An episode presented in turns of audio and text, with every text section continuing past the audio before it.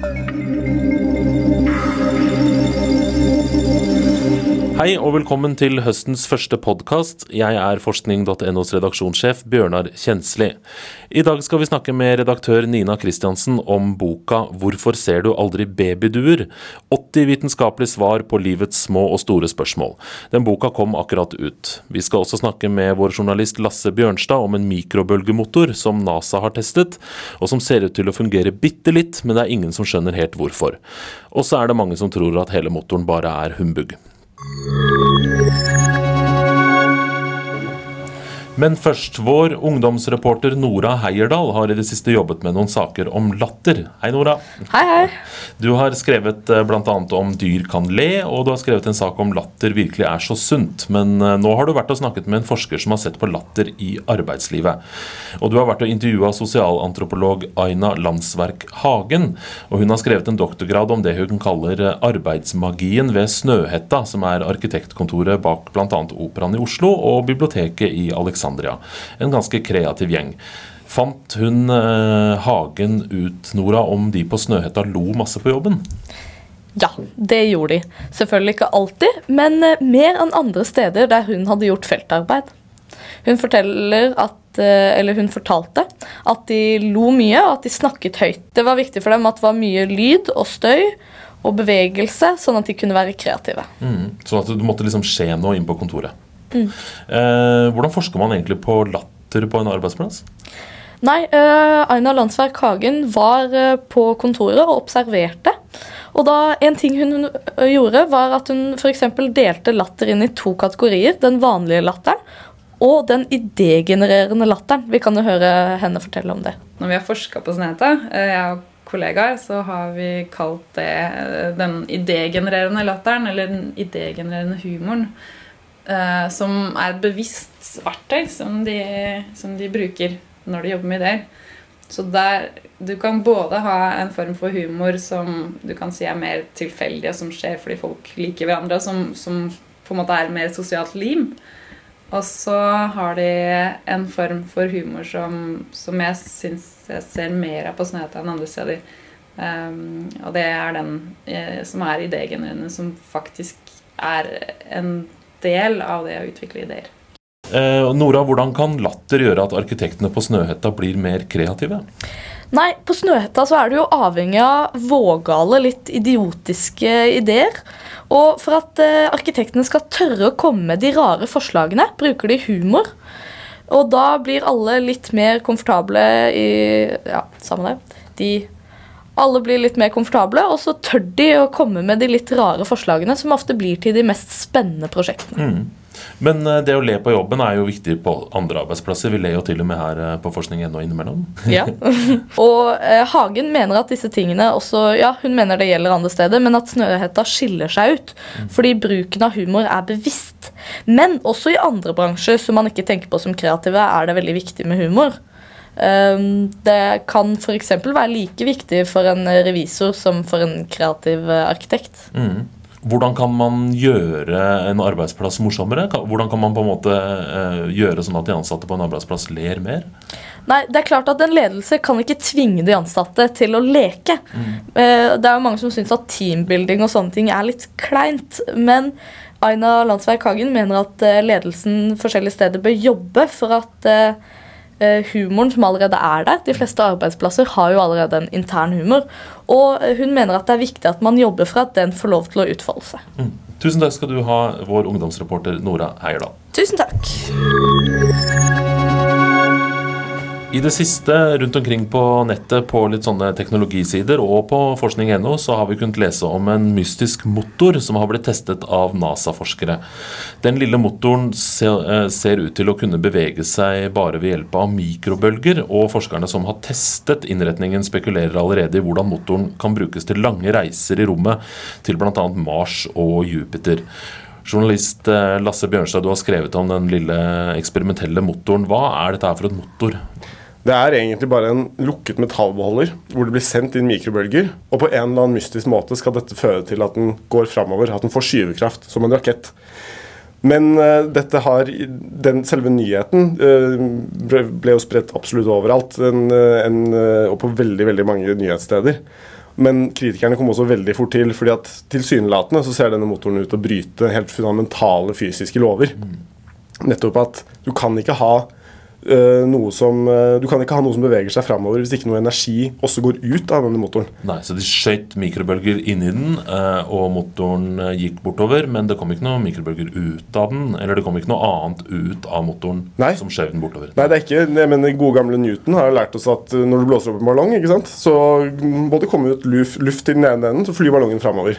Så enkelt. Men det, det skjedde ikke med denne motoren. Mm. Nei. Da. Så derfor så blir det veldig fort også ropt eh, kvasivitenskap. Hvem var det som fant opp den motoren? her? Det var en amerikansk, eh, en amerikansk oppfinner som, eh, som foreslo da at, eh, at NASA skulle teste motoren hans. Og han, Til slutt så kom han gjennom, og, og Eagleworks, som er en liten uh, mystisk organisasjon inni NASA som skal teste ideer som er liksom helt på kanten av hva som egentlig er grei vitenskap. Mm.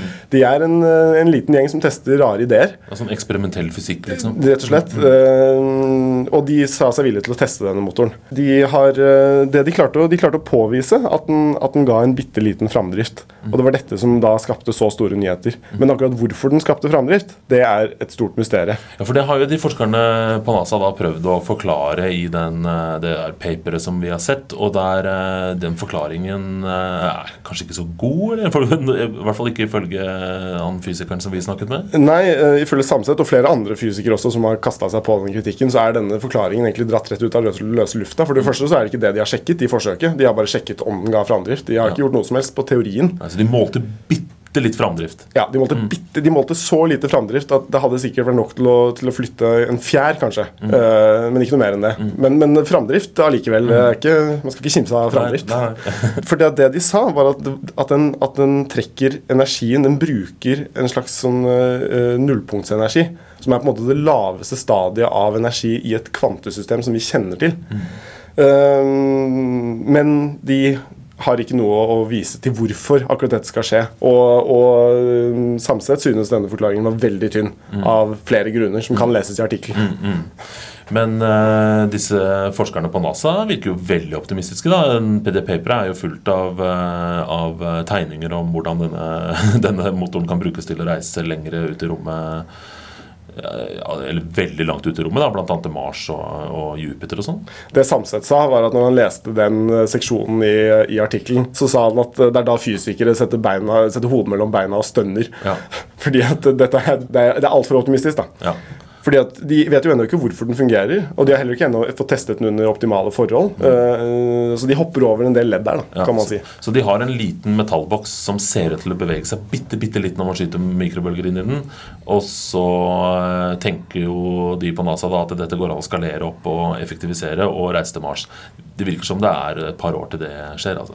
Hvis det i det hele tatt noen gang skjer. Det er, kan godt være at dette her ikke funker i det hele tatt. At det er en eksperimentfeil eller, eh, eller en helt alternativ forklaring.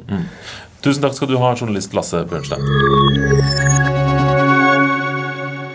For kort tid siden så kom boka 'Hvorfor ser du aldri babyduer?' 80 vitenskapelige svar på livets små og store spørsmål ut. I boka har vi i forskning.no skrevet nye saker, og vi har samlet artikler fra den populære Spør en forsker-spalten vår. Her kan leserne stille små og store spørsmål, og så finner en journalist herfra forskere som kan gi mer eller mindre vettuge svar på de litt rare spørsmålene ofte. Eh, Og Blant spørsmålene i boka så er det f.eks.: Hvorfor stinker fjortisgutter? Og når var den første mandagen? Eh, Nina Kristiansen er redaktør i Forskning.no og redaktør av boka. Og hva var det vi i Forskning.no egentlig ville med denne boka? Det er jo å nå ut til flere. Kanskje de som ikke leser forskning.no hver dag, eh, tenker at forskning er litt vanskelig. Og så får de jo se da, gjennom boka at forskning er, kan presenteres på en veldig enkel måte, og at det til og med er litt gøy. Og så er det jo det at dette her er jo gullstoffet vårt. Det er jo det vi koser oss med. Vi skriver jo om alle disse viktige tinga, ikke sant. Om uh, ting som er bra for Norge og verden, og kreft og sykdom og alle sånne ting. Og så innimellom så har vi disse her gøyale perlene da, som vi veit vi liker veldig godt, og som leserne våre liker veldig godt i den spalten Spør en forsker. Så nå samler vi det og deler det enda bredere ut. Mm. Mange rare spørsmål uh, i boka her. Hva, har du noe favoritt? Jeg uh, har flere favoritter, men jeg syns en av de morsomste er den uh, blir vegetarianere dårlige av å spise kjøtt? For det tror veldig mange vegetarianere. Ja, det tror veldig mange. Jeg har vært vegetarianer sjøl i ti år, og jeg trodde det at hvis jeg begynte å spise kjøtt, så ville jeg bli veldig dårlig. Og sånne eh, myter da, som lever blant oss, som er sånne hverdagsmyter, de er ikke store nok til å bli avslørt i forskningen eller på Dagsrevyen, men de er liksom noe vi alle sammen tror på. Og så viser det at det er ikke sant i det hele tatt. Vi tåler kjøtt veldig godt. Ja, så Man mister ikke evnen til å tåle kjøtt selv om man ikke spiser kjøtt Nei, på ti år. Ifølge forskerne vi snakka med, så er faktisk til og med kjøtt lett fordøyelig. Ja, Også for vegetarianere. Også for vegetarianere. Du bør kanskje ikke gå på en sånn kjempebiff aller første gangen, Mm. men i løpet av dagen burde du klare det. Men forskerne, da? Man har jo et inntrykk av hvordan forskere er, at de er veldig seriøse og litt sånn tørre, kanskje. Og nå vet jo vi som jobber i forskningen at det det ikke alltid er sant, men, men man har kanskje et sånt inntrykk av forskere i hvert fall som veldig grundige og seriøse. Hvordan reagerer de når man ringer og spør de f.eks. da når var den første mandagen?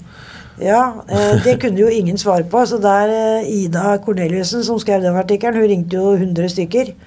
Nei, eh, mange er jo veldig sporty og tar dette her med et glimt i øyet, men noen blir jo veldig forskrekka, da.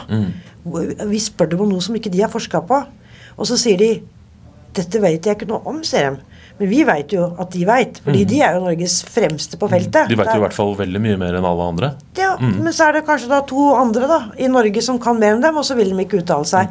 Så sånt er det jo mye av. Men, men vi har jo klart å lokke fram. da, Det er vel 100 forskere som er intervjua i boka, eller omtalt i boka. Så vi har jo klart å lokke dem fram. Men det er jo hardt arbeid, dette her. Det er hardt arbeid å få forskerne til å snakke, og så er det hardt arbeid å skrive så enkelt. Mm. Tusen takk skal du ha, redaktør Nina Kristiansen.